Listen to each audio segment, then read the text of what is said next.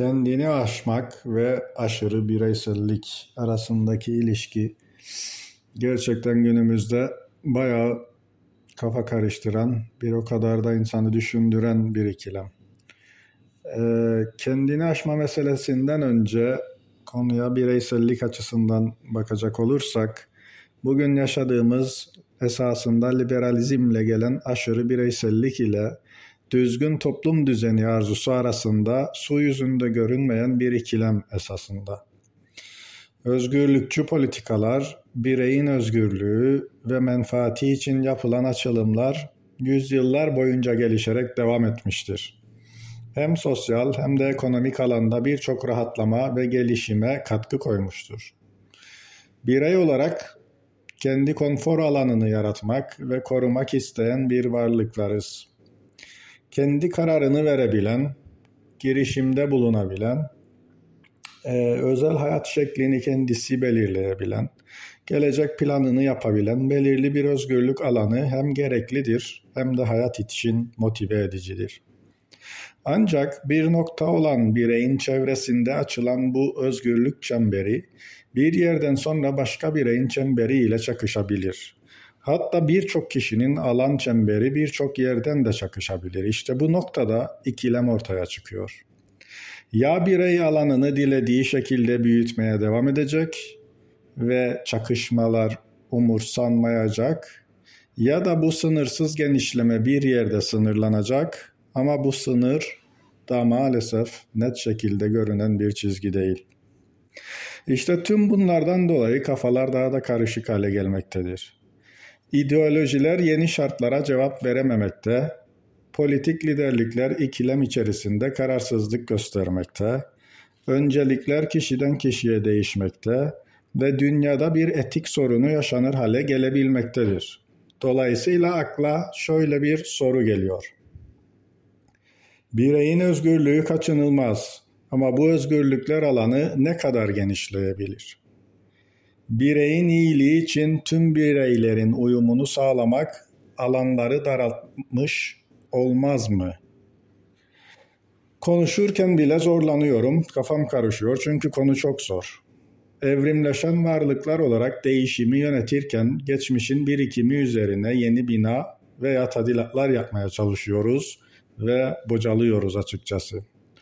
Kanaatim o ki aşırı bireysellik bumerang gibi bir yere kadar gidip bize çok hoş gelebilir. Ancak kontrolümüz dışındaki dış şartlarla bir yerden sonra bumerang geri dönüp üzerimize de gelebilir. Dolayısıyla farkındalığımızı artırıp daha kapsamlı düşünebilmeyi becermeliyiz. Fani dünyada tek mirasımızın insanlara neler verebildiğimiz olacağını unutmadan aldıklarımızın ise zaten son nefeste verdiklerimiz olduğunu da hatırlamalıyız. Bu yüzden bireysel körlükte kalmayıp uyanık olunuz. Tabi bunu yaparken de insanın kendini aşma isteği ve becerisi ortaya çıkıyor. Bunun için de akla ilk gelen soru insanın kendisi ni aşması için büyük veya farklı bir işe imza atması gerekir mi?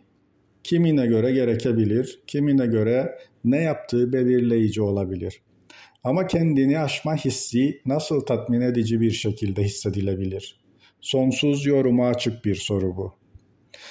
Bir futbolcu bir maçta çok gol attığında taraftarın da etkisiyle büyük başarı hissi duyar. Salgılanan hormonlarla mest olur. Ancak sonraki maçlarda aynı performans sergilenmezse tek düze bir ruh hali olabilir.